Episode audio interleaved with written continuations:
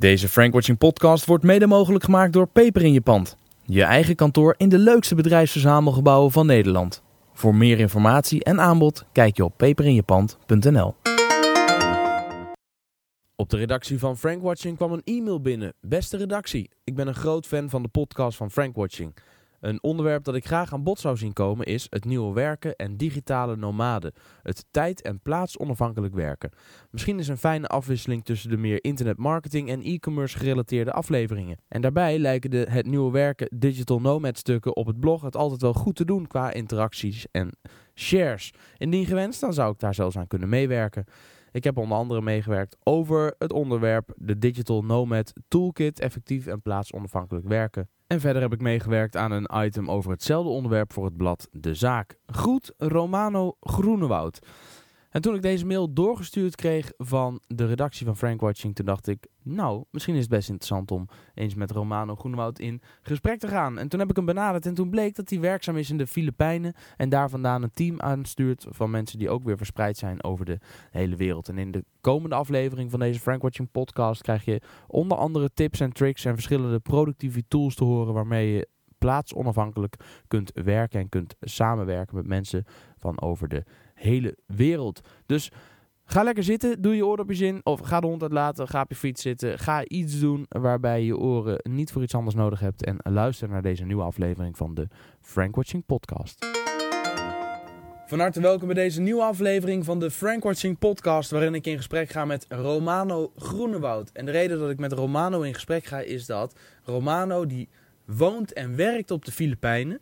En die bedient Nederlandse klanten vanuit zijn eigen bedrijf. En daar gebruikt hij legio tools voor. De Filipijnen en Nederland heeft een tijdsverschil van, als ik me niet vergis, zes uur. Dus ik ben heel benieuwd, hoe doet hij dat? En hij heeft mij ook verteld dat hij samenwerkt met allerlei mensen die dan nog weer in andere landen verspreid over de hele wereld werk, uh, wonen en werken. En dat hij die mensen gebruikt om, of gebruikt of inzet moet ik zeggen, om uh, Nederlandse bedrijven te helpen bij het optimaliseren van hun zoekmachinepositie. Nou, kortom, interessant genoeg om eens met Romano te gaan kletsen. En als het goed is, hangt hij aan de andere kant van de lijn en ook aan de andere kant van de wereld. Romano Groenewoud, van harte welkom in deze Frank Watching podcast. Dankjewel Jelle, uh, goedemiddag. Ja, voor mij goedemiddag, want bij ons is het uh, op het moment dat we aan het opnemen zijn uh, nu kwart voor vijf. Hoe laat is het bij jou? Het is bijna elf uur. Bijna elf dus, uur s'avonds. Ja. ja, maar jij werkt vanuit de Filipijnen, je woont daar ook. En jij bedient Klopt. bedrijven die in Nederland zitten, Nederlandse bedrijven. Hoe moet ik me dat voorstellen? Wat doe je? Laten we daar eens mee beginnen. Uh, wat ik doe is uh, nou, de, de website-optimalisatie voor uh, Nederlandse bedrijven. En SEO is, is een vakgebied, een, een, een, een, dienst die je eigenlijk in principe overal zou kunnen uitvoeren. Je zou het kunnen doen op, op het kantoor van de klant, maar je kan het prima ergens anders doen, want ehm, het is toch iets dat, dat mensen vaak uitbesteden, dat dat niet zo sexy is waarbij je niet echt direct contact nodig is tussen de werkgever en de werknemer. En zo heb je een aantal van dat soort uh, banen, occupaties, die je in principe volledig locatie onafhankelijk zou kunnen uitvoeren, zolang er maar een goede internetverbinding is. Ja, en dat, uh, dat, dat is het blijkbaar, want we zijn aan het videobellen op dit moment. Ik, ik, zie je en ik hoor je kraakhelder. Dus blijkbaar is wat dat betreft de boel prima voor elkaar bij jou. Hoe ben jij daar terechtgekomen in de Filipijnen? Was dat van tevoren bedacht van, nou, ik zit in Nederland, ik heb een paar klanten, maar ik ga vanaf nu dat vanaf de Filipijnen doen? Of ben je er ingerold? Vertel. Als het ware ingerold, uh, sowieso uh, reizen is iets waar ik gepassioneerd over ben. En ja, ik wil altijd een soort van Chris Segers worden. Alleen, ja, dat is voor weinigen weggelegd. Uh, dat, dat gaat er niet worden. ja, precies. Een beetje rondreizen, televisieshows maken. Ja, dat lijkt me te gek. Dat zou ik ook wel doen. Ja, en dan een andere passie die ik had is, is web. Gewoon SEO, uh, internet, uh, geeky stuff. En ik zag, ik, ik zag na het lezen van dat boek, de 4-Hour Workweek van uh, Tim ja, Ferriss. Tim Ferriss, ja. Je bent niet de eerste die dat boek aanhoudt in deze podcast. Top boek. Precies. En daar zag ik die connectie, hoe je die twee dingen, die twee passies, hoe je die kunt combineren om je eigen levenservaring, je, je horizon te verbreden en als mede ook uh, betere business te draaien. Want in bepaalde delen van de wereld is het gewoon heel goedkoop leven. En dan kan je ook uh, meer investeren in je business en lagere prijzen vragen, bijvoorbeeld. Ja, en je hebt minder nodig om toch fatsoenlijk een goed leven uh, te, te, onderhouden. En ik kan me voorstellen, als je daar woont op de Filipijnen, waar het volgens mij inderdaad niet heel erg duur is om, je, om jezelf prettig te voorzien van eten, drinken en leuke dingen. En dan Nederlandse bedrijven bedienen. Ik, eh, die over, volgens mij als je Nederlandse tarieven kunt rekenen, maar je woont in de Filipijnen, is het een eh, behoorlijke vetpot. Of ga ik nou te kort door de bocht? Uh, nou ja, je, je, kunt gewoon meer investeren in, in je eigen business en uh, je kan lagere prijzen vragen. Inderdaad, ik ben net uit eten geweest voor 2 euro. Nee, nee Ik heb net, ja, dat was echt een, aan, ik heb net een kop aanslag voor, voor 2 euro. Wat verdorie. Oké. Ja. Wat heerlijk dus, lijkt me eh, dat. Oké. Ja. Dus je, je, je zegt gewoon, omdat ik in de Filipijnen zit, kan ik iets minder vragen. Maar iets minder voor Nederlandse tarieven is daar al uh, goud. Ja, inderdaad. Ja, wat goed hé. Oké, maar nou ben ik wel benieuwd. Hoe, hoe werkt dat? Hoe kom jij bijvoorbeeld vanuit de Filipijnen aan je business? Hoe doe je je acquisitie als je je richt op Nederlandse bedrijven van daaruit? Ja, ten eerste zal ik vooropstellen, ik ben dus uh, een zogenaamde SEO-specialist. En als je als SEO-specialist niet een website hebt die goed rankt voor bepaalde zoekwoorden, ja, dat is wel een beetje, uh, ja, dat is wel een beetje corny, om, om het zo te zeggen. Ja. SEO Geek uh, is dus, het, hè? SEOgeek.nl, dat is je website. Ja. En daar haal je ook je business uit.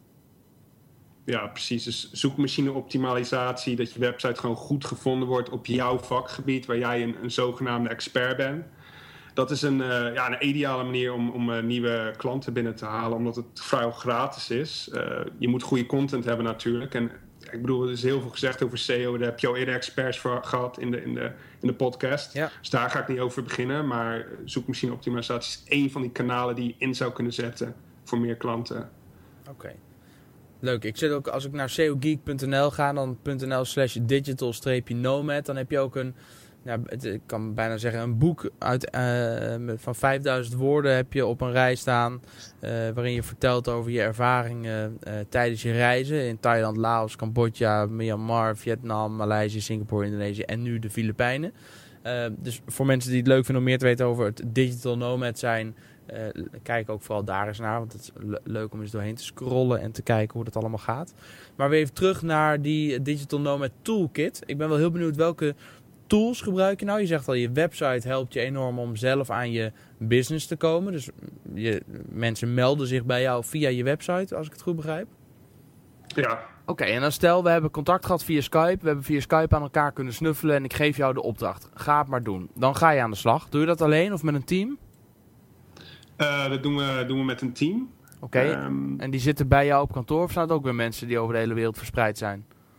Nee, dat is ook uh, virtueel georganiseerd. Uh, dat zijn mensen die zitten in Colombia, die zitten in Brazilië, Australië, overal ter wereld. Maar hoe organiseer je dan zoiets?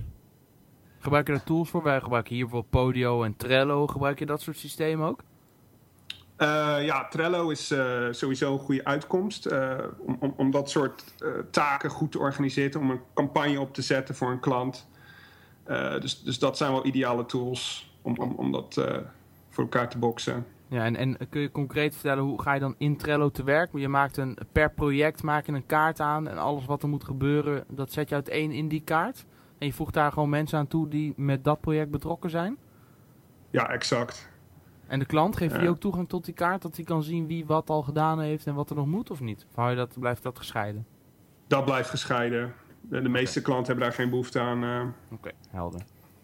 Oké, en dan ben ik benieuwd als die mensen over de hele wereld zitten of je moet een extreem netwerk hebben. Maar hoe kom jij aan die collega's waarmee je die projecten gaat oppakken?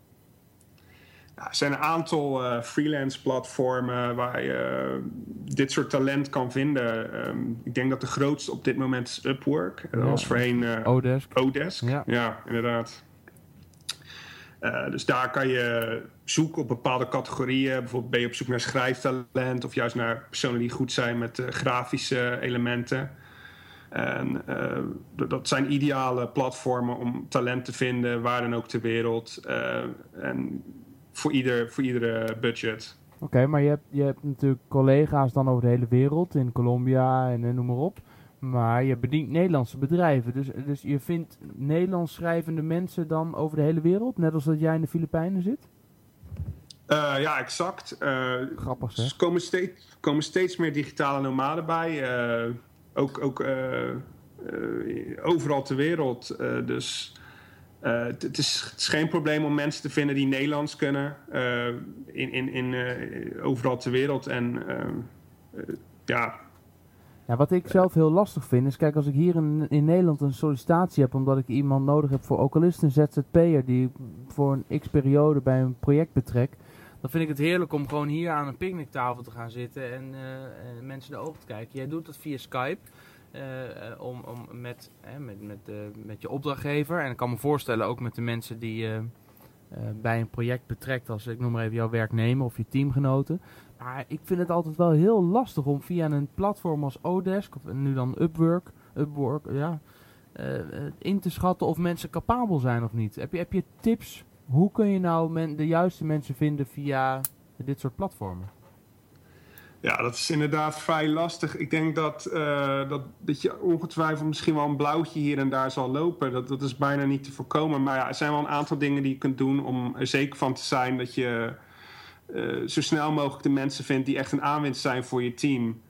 Uh, ten eerste, zoals met vrouwen alles, altijd natuurlijk kijken naar voorgaande ervaringen, feedback. Uh, die zijn systemen opgezet waarbij je na het afsluiten van een opdracht feedback kan achterlaten. En dan kan je natuurlijk heel goed zien in iemands verleden wat diegene gedaan heeft. En ik geef daar uh, veel meer waarde aan dan bijvoorbeeld een cv. Want een cv, ja, uh, zegt niet zo heel veel. Ik kijk vooral naar wat hebben ze in het verleden gedaan. Ja. exact diezelfde taken die ik wil dat ze gaan doen. En hoe zijn ze daarop beoordeeld? En vaak laten de vorige werkgevers ook comments na bijvoorbeeld over de werkethiek of de benadering of hoe, hoe, hoe, hoe responsive zijn ze? Beantwoorden ze e-mails gelijk uh, binnen een dag of, of, duurt het ineens vijf dagen? Ja. Dus dat is denk ik de eerste stap om te filteren. En werken dan op basis van uurtarief of met name op fixed fee? Dat, dat kan je beide doen op Odesk, ja, maar heb je, op, op Upwork. Ja.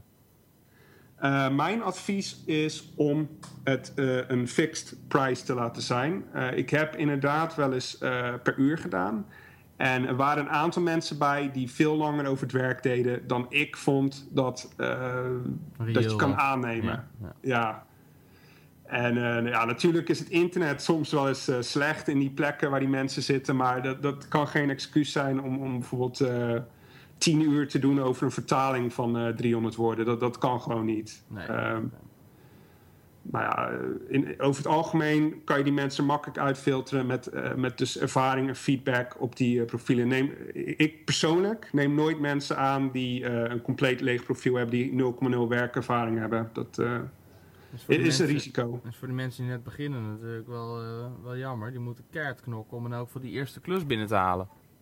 Ik zou je vertellen, de concurrentie op die platformen is moordend. Uh, Vooral als je het bijvoorbeeld in het Engels schrijft. Want er zijn er natuurlijk Indiërs en Pakistani die, uh, die voor 1 dollar per uur willen werken. Ja. Maar uh, wat de meeste freelancers doen, dus de, de, degene die echt de skills hebben, die bieden hun kwaliteiten aan voor een lagere prijs of zelfs soms gratis om in ieder geval die feedbacks te krijgen. En zodra je meer van die feedbacks hebt, kan je langzamerhand je, je rate, zeg maar, wat je uh, per uur krijgt of per, per opdracht, dat kan je dan verhogen. Wat slim zeg. Maar zo, ja.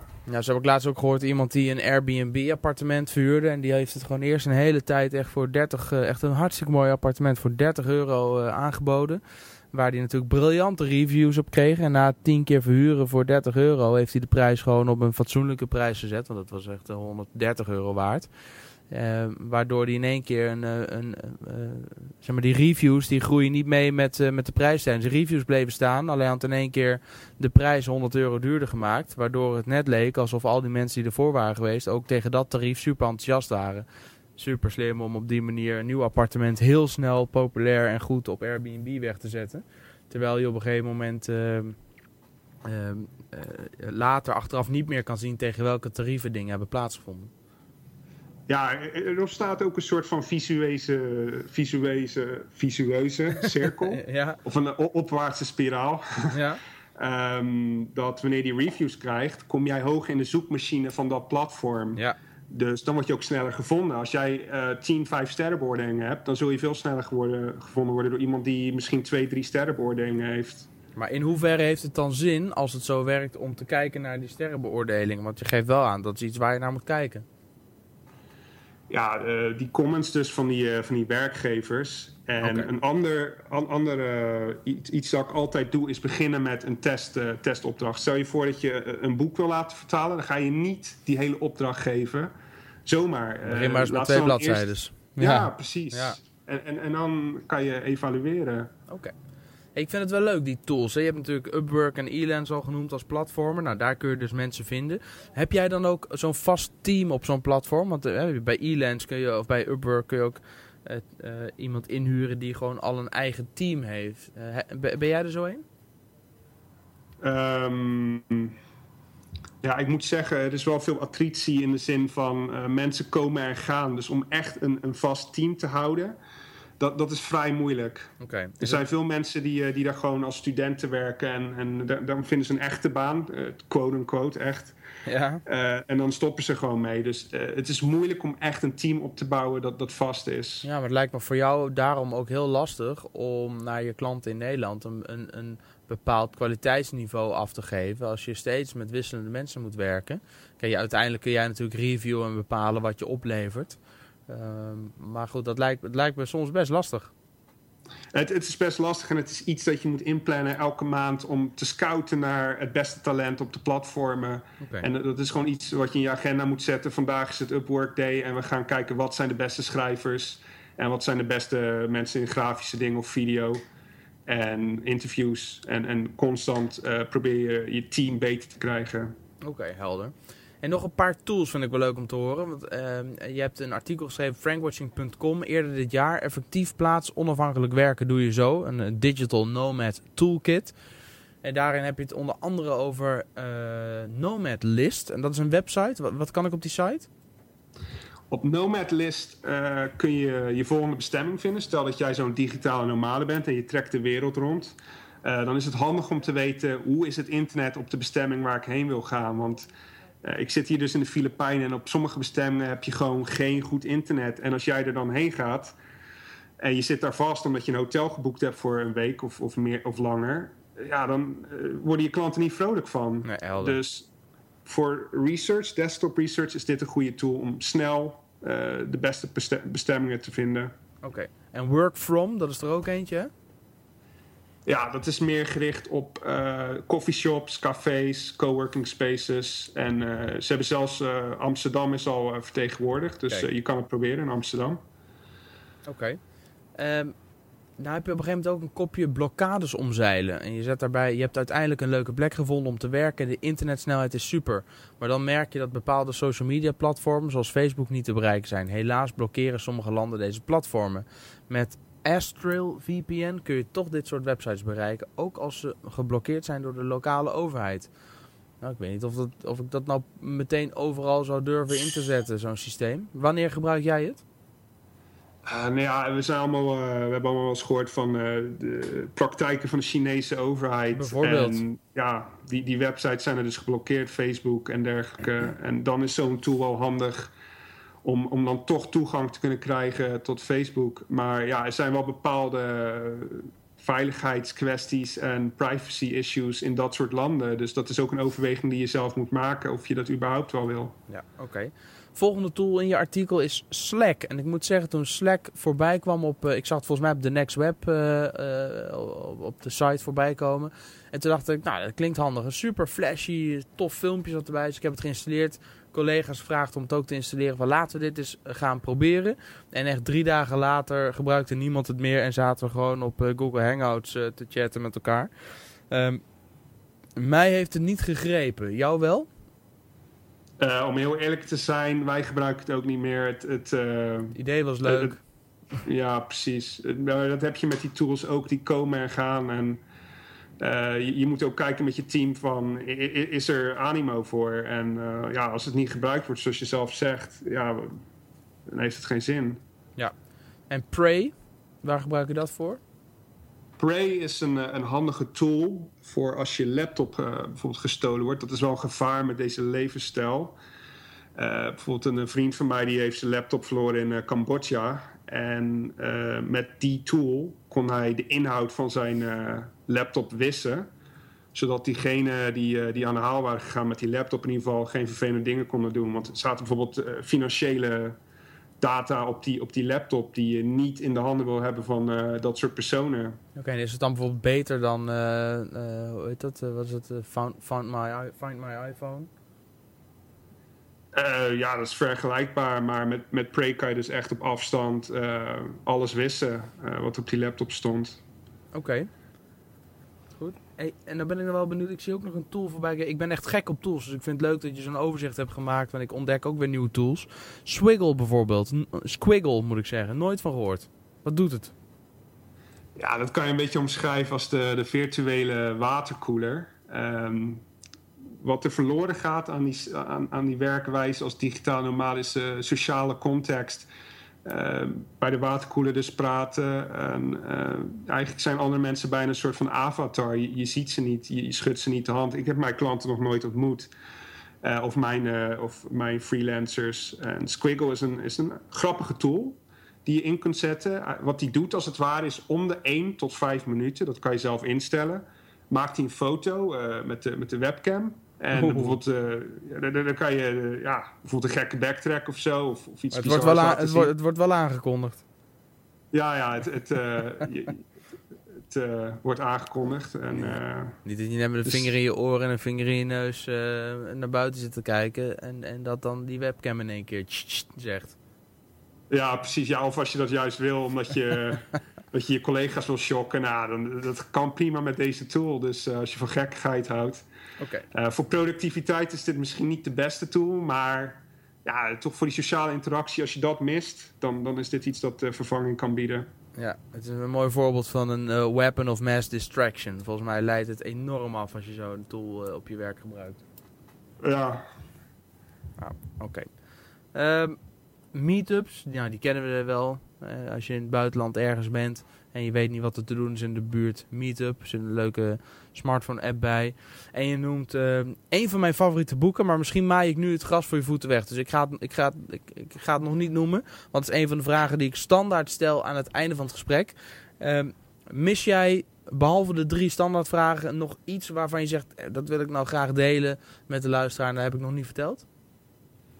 Um, nou ja, niet, niet echt. Uh, ik, ik, denk dat, het, uh, dat deze levenswijze als een digitale normaal als het ware haalbaar is. Het is hard werk. Het is, het is niet uh, zoals veel mensen denken, lekker met een margarita aan het strand zitten met je laptop. ik kan je vertellen, aan het strand werken, dat is echt helemaal niet prettig. dus het is geen utopie, het is geen ideale levenswijze. Maar voor sommige mensen die echt die avontuur willen, die gewoon de vrijheid willen om, om te gaan en staan waar ze willen uh, dan is dit gewoon uh, echt een, uh, een mooi bestaan. Maar het is, het is hard werken, onderschat dat niet. Ik dacht heel even dat je zei met de Margriet aan het strand zitten. Ik dacht, ja, ik, kan me niet, ik zie jou nog niet zo gauw met een Margriet of een Libelle aan het strand zitten. Maar, en daarna dacht ik, je bedoelt Margarita, een cocktail of zo. Ja, inderdaad. Uh, Gelukkig. Ja, als jij graag de Margriet leest, ja, dan ja, uh, ja, ja, precies. Voor ieder, ieder zijn ding. Ja. Nee. Dat is de vrijheid. ja. Oké, okay, nee, helemaal goed. Ja, want je zei, je, je, je, je bent net voordat we in gesprek gingen uit eten gegaan voor 2 euro. Ja, dat, dat, dat, kan gewoon hier. Dus dat heeft ook wel weer voor. Je hebt ook minder nodig uh, om, daar, uh, om daar te leven. Ja, precies. Je, je kunt een minimalistische levenswijze aanmeten. En bepaalde dingen, uh, als je dat zou doen in Nederland, dan zou je binnen een maand failliet zijn. Uh, neem vaak de taxi, uh, ga elke dag uit eten.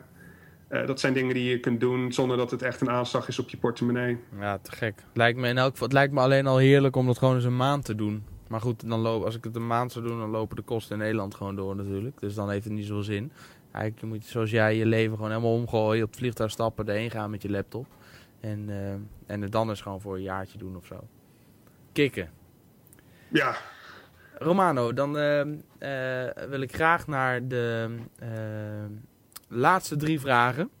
je gaf aan al in, de, in de voorbespreking dat je ongeveer alle afleveringen geluisterd hebt van de Frank Ocean podcast. dat vind ik natuurlijk top om te horen.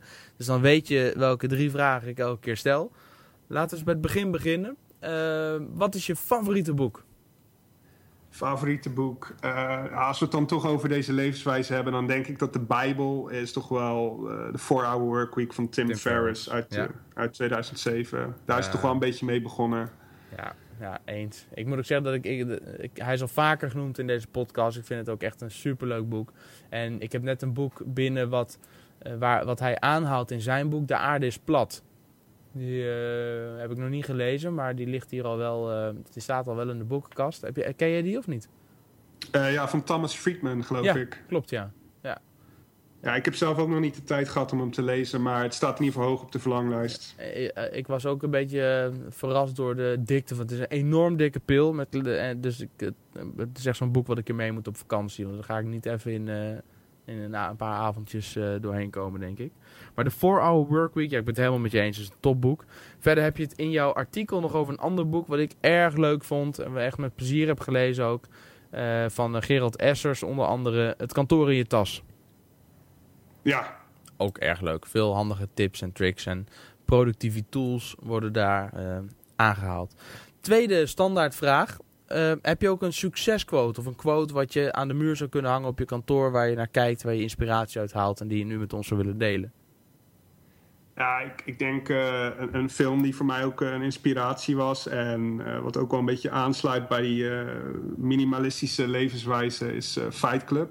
Ja. En dan met name de quote: The things you own end up owning you. Nice. Um, dus zoals je zegt, je kunt gewoon met je laptop pakken, appartement opzeggen, en gewoon deze levenswijze gaan beleven. En ik, ik, zeg niet dat je dat voor altijd moet doen. Het is niet voor iedereen. Maar je zou het, zoals je zelf aangeeft, voor een maand kunnen proberen of, of, uh, of een jaar. En je hoeft je niet zo vastgebonden te voelen aan je, aan je bezittingen. Nee. Uh, Goed, op een gegeven moment, ik heb het, uh, er zit bij ons nu een, een, een, een kleine aan te komen in december. Dus het wordt daarmee in elk geval niet makkelijker om zomaar eens even te zeggen... ik ga eens even een paar maanden uh, naar de Filipijnen of waar dan ook. Maar ik heb ooit wel een keer uh, acht maanden uh, een tent achterop geknoopt bij mijn motor... en een slaapzak en een laptop. En ben door Europa gaan rijden richting Spanje... en daar nog wat, wat dagtrips en dergelijke gedaan. En dat is me eigenlijk super goed bevallen. Dus ik kan het wel iedereen aanraden om gewoon eens als het nog kan, als je thuissituatie het enigszins toelaat, om gewoon eens even een paar maanden tussenuit te knallen. En uh, je hebt inderdaad eigenlijk helemaal niet zo heel veel nodig om, uh, om het toch naar je zin te hebben. Derde en laatste vraag. Ben je nou tijdens je digitale nomade bestaan wel eens op je bek gegaan? En zo ja, heb je er ook iets van geleerd? En als dat ook nog het geval is, wil je die lessen dan met ons delen, zodat wij niet dezelfde fout hoeven maken als dat jij ooit hebt gedaan? Ja, goede vraag. Uh, ik, ik, denk dat dit uh, misschien de grootste verleiding is. Toen ik voor het eerst uh, aankwam in Azië, in Thailand. Um, er zijn natuurlijk veel verleidingen. Ehm, strand, leuke feestjes, uitgaan. Ja. altijd bars. Ehm, je, kan, je, je, kan in principe de hele dag de beest uithangen. Maar zorg ook voor balans. Dus doe de, de vaste taken die je in Nederland ook zou doen. Uh, verlies die niet uit het oog. Bijvoorbeeld zorg dat je voldoende beweging krijgt. Uh, dat je gezond eet, niet elke dag pad thai. Uh, en dat je ook je dagelijkse taken voor je onderneming vroom uitvoert. Ik moet zeggen, de eerste paar maanden in Azië is mijn business gewoon gestagneerd. ik verloor geen klanten, maar de business groeide ook niet. en daar heb ik wel spijt van dat ik niet uh, direct vanuit, vanaf van de get-go um, gewoon mijn ding doe. En dat ik me te veel heb laten meeslepen met uh, die verleidingen. Uh, het is misschien leuk af en toe om, om zeg maar te genieten van die levenswijze, maar je moet ook je dagelijkse taken vroom blijven uitvoeren. Oké, dus als je nou aankomt in een uh, land als uh, Thailand of uh, de Filipijnen. En de verleidingen zijn er. Je kunt uitgaan, de beesten hangen. Maar zorg wel voor balans. Doe wat je in Nederland ook zou doen. En zorg voor je lichaam en je geest. Blijf bewegen. Laat je vooral niet meeslepen. Maar geniet er aan de andere kant ook gewoon weer van. Dat is de favorite failure van Romano Groenewoud van SEOgeek.nl. Romano, mag ik jou heel hartelijk danken voor je tijd. En uh, het is uh, bijna 12 uur uh, waar je uithangt. Dus ik zou bijna zeggen, wel te rusten. Ja, ik ga zo naar bed, Jelle. Graag gedaan. en uh, ja... Dankjewel dat je wilde meewerken in deze Frank Watching podcast. Super. Ja, dan wens ik jou nog prettig eten. En hoop, ik, hoop ik dat, dat er nog vele afleveringen mogen volgen. Want ja, ik, ik, volg me echt graag. En het is altijd een genot om naar te luisteren. Ook als ik onderweg ben. Dus nou, ook in de Filipijnen hebben jullie luisteraars. Woehoe! Fantastisch om te horen. Dat doet me goed. Graag gedaan. En dankjewel voor je complimenten. Graag gedaan. Dag Romano. Hoi hoi. Hoi hoi. Dat was Romano Groenewoud, rechtstreeks vanuit de Filipijnen. En zoals je aan het begin van deze podcast kon horen, heeft Romano zelf het initiatief genomen voor dit gesprek. En ik wil jou van harte uitnodigen om mij vooral te laten weten wat nou onderwerpen zijn waar je eens een Frankwatching podcast over zou willen terughoren. Dus doe zoals Romano, stuur een mail aan de redactie at frankwatching.com of laat het weten op Twitter aan Drijver of podcast. Komt allemaal bij mij aan. Je kunt ook gewoon tweeten naar Frankwatching uiteraard. Dan eh, krijg ik het vanzelf via Frankwatching te horen. Vergeet ook vooral niet om even via de reviews op iTunes te laten weten wat je van deze podcast vindt.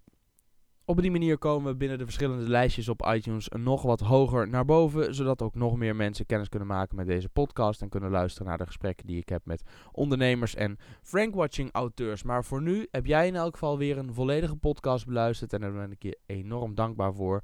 Laat even weten op Twitter ook wat je ervan vindt en stel ons je vragen op podcast, frankwatching of Jelle Drijver. Dit was hem voor nu. Bedankt voor het luisteren en tot de volgende podcast.